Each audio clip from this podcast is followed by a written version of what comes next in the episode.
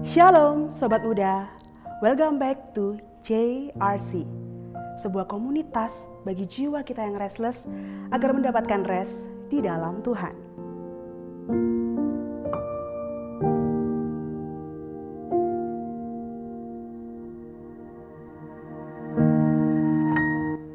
Sobat muda, pernahkah kalian mempunyai pikiran untuk melakukan sesuatu yang tidak benar?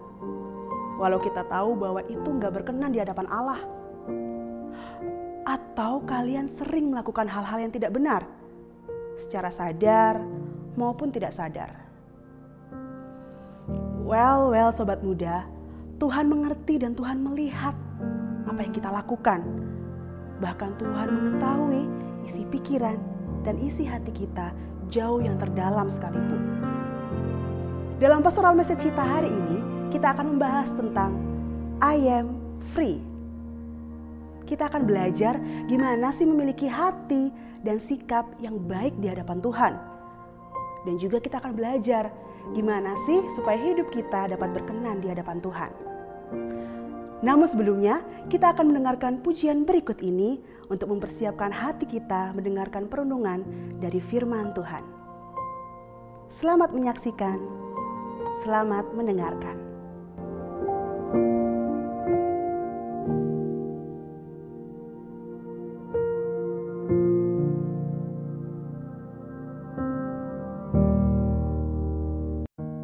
Shalom teman-teman sekalian, kita sekarang akan belajar firman Tuhan. Mari kita mohon pimpinan dari Roh Kudus, kita masuk di dalam doa. Bapa Surgawi, Bapa yang mengasihi kami, kami berterima kasih dan sungguh bersyukur buat cinta kasih Tuhan, anugerah Tuhan di dalam hidup kami. Kasih setia Tuhan tidak pernah terbatas dan tidak pernah berkesudahan. Engkau memilih kami sejak masa muda dan kami bersyukur sejak masa muda kami boleh mengenal Engkau sebagai satu-satunya Allah yang benar. Saat ini kami akan belajar firman-Mu. Biarlah semakin kami belajar firman-Mu, kami boleh semakin mengenal Engkau, bertumbuh di dalam Engkau. Dengan demikian kami boleh bertambah-tambah semakin mengasihi Tuhan. Kami berdoa kepadamu Tuhan, menyerahkan untuk pemberitaan firman Tuhan ini, Tuhan tolonglah kami. Hanya di dalam nama Tuhan Yesus kami mengucap syukur dan berdoa. Amin. Teman-teman sekalian kita akan bersama-sama membuka Alkitab kita dalam Amsal pasal yang ke-15 ayat yang ketiga. Amsal 15 ayat ketiga berbunyi demikian. Mata Tuhan ada di segala tempat, mengawasi orang jahat dan orang baik. Teman-teman sekalian, setiap orang di dalam dunia ini mempunyai yang namanya sisi gelap. Sisi gelap nama lainnya itu adalah dosa tersembunyi. Setiap orang bergumul dengan sisi gelap dan dengan dosa tersembunyinya. Sisi gelap merupakan sesuatu hal yang sangat berbahaya. Karena itu bisa menjatuhkan, bahkan bisa membuat seseorang gila dalam hal tertentu. Misalnya, gila kekuasaan atau jabatan, gila harta, gila dalam hal seksualitas dan lain-lain. Kita juga mempunyai sisi gelap dan kita manusia tidak lepas dari yang namanya sisi gelap. Bagaimana kita bisa dimenangkan, bagaimana kita bisa merdeka, kita bisa terbebas dari sisi gelap ini? Dengan pengakuan di kita di hadapan Tuhan, dengan membuka diri kita itu melegakan kita. Oleh karena itu, sore hari ini kita akan bersama-sama membahas satu topik daripada firman Tuhan sebuah pelegaan, sebuah pengampunan daripada Tuhan yang bisa menenangkan dan melegakan diri kita. Teman-teman, kita akan belajar dari Amsal ini. Kitab Amsal merupakan satu kitab yang menggunakan satu bahasa yang disebut dengan bahasa anthropomorphis. Bahasa anthropomorphis itu adalah sebuah bahasa yang dipakai di dalam Alkitab supaya firman Tuhan ini bisa dimengerti manusia dengan sederhana. Contohnya, teman-teman pernah membaca Alkitab yang mengatakan tangan Tuhan tidak kurang panjang, kaki Tuhan melangkah, mata Tuhan melihat, telinga Tuhan mendengarkan doa-doa kita dan lain-lain. Nah teman-teman itu bukan berarti bahwa Allah kita sungguh-sungguh mempunyai telinga dan susunan organ seperti kita. Tetapi itu artinya bahwa Tuhan itu digambarkan dia itu dekat dan mengerti setiap diri kita. Sehingga bahasa anthropomorphis ini dipakai supaya kita ini bisa mengerti maksud daripada firman Tuhan bahwa Allah itu mengerti setiap pergumulan kita dan Allah itu begitu dekat dengan kita. Di dalam Amsal 15 ayat yang ketiga ini menggunakan kata mata Tuhan ada di segala tempat. Itu juga menggunakan bahasa anthropomorphis yang menyatakan bahwa Tuhan tahu dengan jelas apa yang kita pikirkan, apa yang kita katakan, apa yang kita lakukan, bahkan apa yang kita rencanakan masa depan kita, itu semuanya Tuhan tahu. Tuhan tahu jauh ke dalam lubuk hati kita yang paling dalam. Itulah maksud daripada mata Tuhan ada di segala tempat. Segala hal tidak ada yang tersembunyi di hadapan Tuhan, segala hal yang tersimpan jauh ke dalam hati kita yang paling dalam, itu semua terbuka dengan lebar di hadapan Tuhan kita. Jika kita melakukan yang baik, maka ketika kita tahu bahwa mata Tuhan itu mengawasi kita, mata Tuhan melihat kita, maka kita pasti akan bersyukur bahwa Tuhan itu selalu melihat kita, mengawasi kita, memelihara hidup kita, dan Tuhan dekat dengan kita asal kita melakukan yang benar di hadapan Tuhan. Akan tetapi, kalau kita melakukan hal yang jahat yang tidak berkenan di hadapan Tuhan, maka kita itu pasti akan benci, akan hidup di dalam ketidaktenangan, akan terus-menerus hidup di dalam sisi gelap kita dan melakukan dosa yang tersembunyi dan selalu hidup di dalam kepura-puraan dan kita tidak suka ketika kita tahu bahwa mata Tuhan melihat kita. Teman-teman tentunya tahu sebuah benda yang disebut dengan CCTV. Orang yang tidak jujur, orang yang suka melakukan sesuatu hal yang tidak benar, itu akan terganggu dengan CCTV. Dia akan selalu mencari cara bagaimana untuk menghindari dari area CCTV jika ingin melakukan kejahatan. Artinya dia mencari blank spot yang tidak yang tidak terekam oleh CCTV karena takut ketahuan. Akan tetapi, kalau orang yang benar, dia melakukan segala sesuatu hal dengan jujur, ada CCTV atau tidak, dia tetap melakukan kebenaran dan dia tidak peduli CCTV itu ada apa tidak. Teman-teman ingatkah dengan kisah beberapa tokoh Alkitab? Salah satunya adalah Adam dan Hawa. Apa yang terjadi ketika Adam dan Hawa melanggar perintah Tuhan dengan makan buah pengetahuan baik dan jahat? Ketika mereka sudah makan, mereka sadar mereka sudah jatuh dalam dosa. Ketika Tuhan Allah datang ke Taman Eden, apa yang mereka lakukan? Mereka bersembunyi. Mereka takut menghadap Tuhan, mereka takut bertemu dengan Tuhan.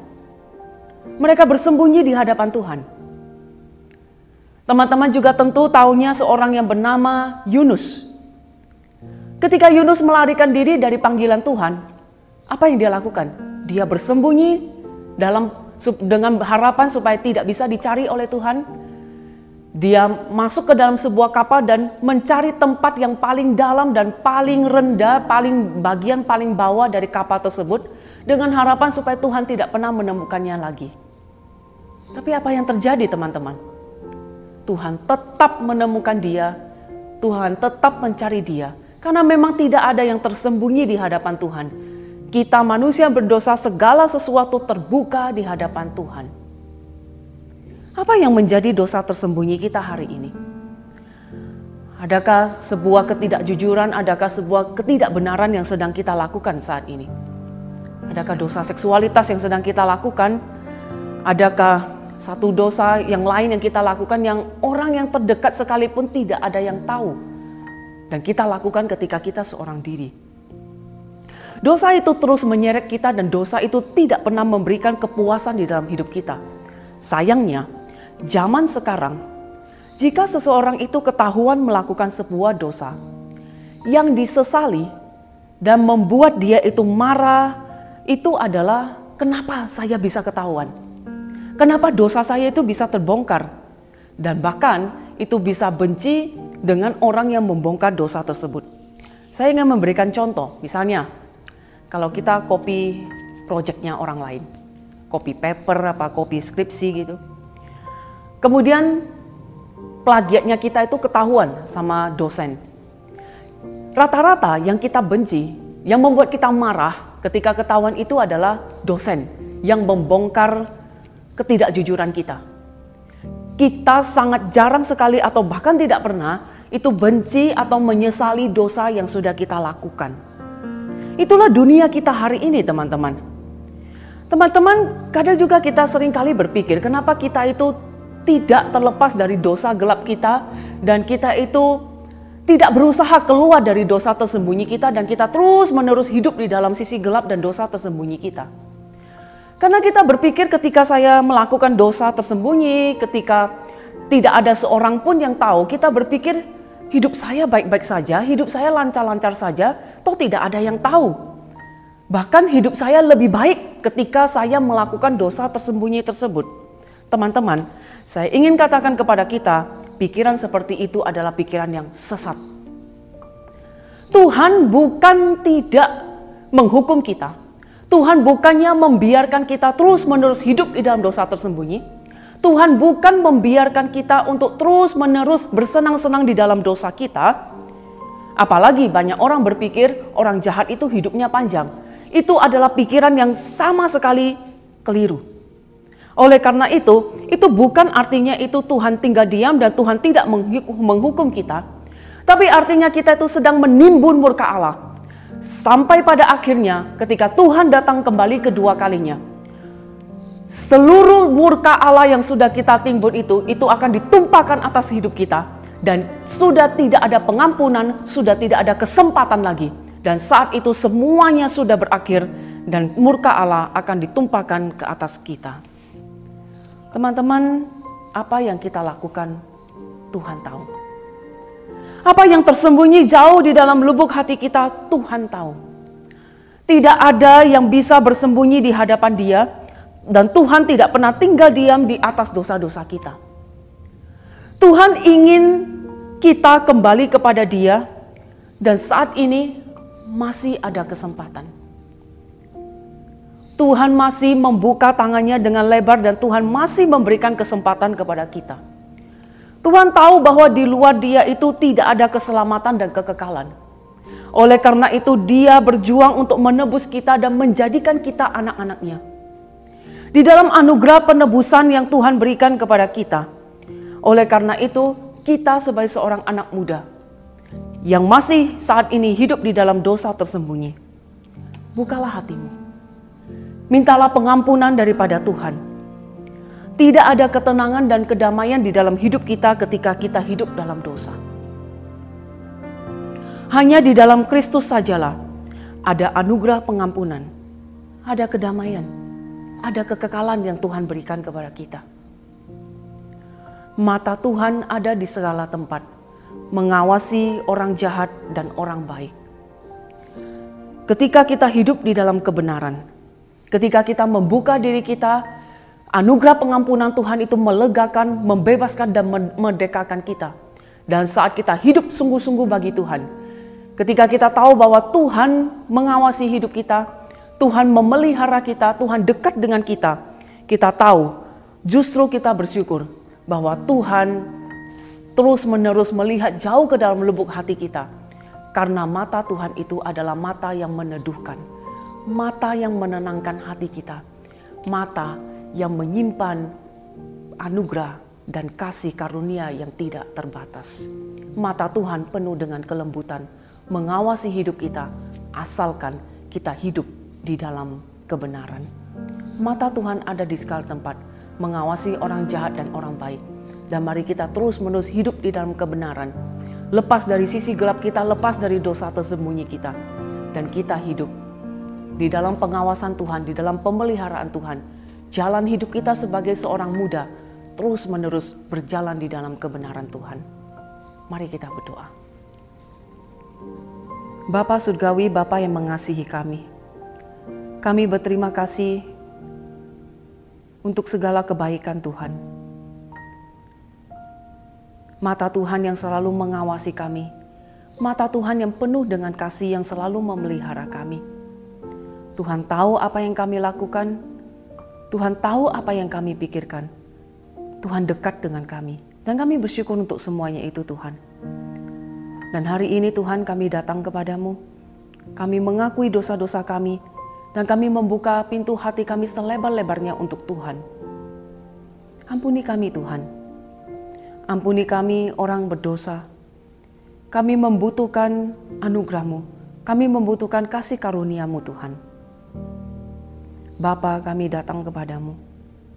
Kami berdoa Tuhan, supaya kami tidak lagi hidup terus-menerus di dalam sisi gelap dan bermain-main dengan dosa tersembunyi kami. Tapi biarlah kami hidup boleh sungguh-sungguh menjadi anak Tuhan yang mencerminkan kemuliaan Tuhan dan orang lain bisa melihat Kristus itu sungguh-sungguh nyata dan hidup di dalam diri kami. Tuhan kami berdoa kepadamu, kiranya ketika kami melakukan satu dosa tersembunyi, roh kudusmu boleh bekerja untuk menegur setiap diri kami. Mungkin saat ini Tuhan, apa yang kami lakukan tidak ada seorang pun yang tahu, tapi kami tahu Tuhan tidak ada yang tersembunyi di hadapan Tuhan. Oleh karena itu Tuhan, kami berdoa kepadamu, kiranya Tuhan menopang dan menolong kami, untuk kami boleh hidup sungguh-sungguh mempermuliakan namamu. Bapa inilah diri kami, kami berdoa menyerahkan masa muda kami, berdoa menyerahkan untuk masa depan kami ke dalam tangan kasih-Mu. Segala perencanaan-perencanaan kami, kami tahu bahwa mata Tuhan mengawasi setiap diri kami. Dan biarlah kami boleh berjalan di dalam kebenaran-Mu dengan lepas dari sisi gelap dan dosa tersembunyi kami. Terima kasih Tuhan Yesus kami mengucap syukur. Hanya di dalam nama Tuhan Yesus kami berdoa. Amin. Gimana sobat muda tentang firman yang barusan kita dengarkan dan kita saksikan? Semoga ini bisa mengubahkan kita menjadi pribadi yang lebih baik lagi ya. Seperti yang tertulis pada Amsal 15 ayat 3, Tuhan mengetahui segala apa yang kita pikirkan, bahkan isi hati kita. Yuk kita sama-sama mau berkembang, berubah, dan mau untuk Tuhan pakai agar berkenan di hadapannya. Oh ya sobat muda, kita juga punya persekutuan doa JRC dan kami mengundang sobat muda untuk dapat ikut hadir di dalamnya setiap Jumat pertama dan juga Jumat ketiga pukul 19.30. Diingat baik-baik ya. Terima kasih untuk Zion Teens, KPR Agape, dan juga GKT 1 yang telah ikut ambil bagian dalam pelayanan pastoral message kita kali ini. Oke, terima kasih sobat muda yang sudah menonton pastoral message kita kali ini. Jangan lupa ya untuk follow akun sosial media kita. Dan kalau kalian ada kritik dan saran, kita sangat menerima. Kalian bisa klik link di deskripsi di bawah. Tuhan memberkati.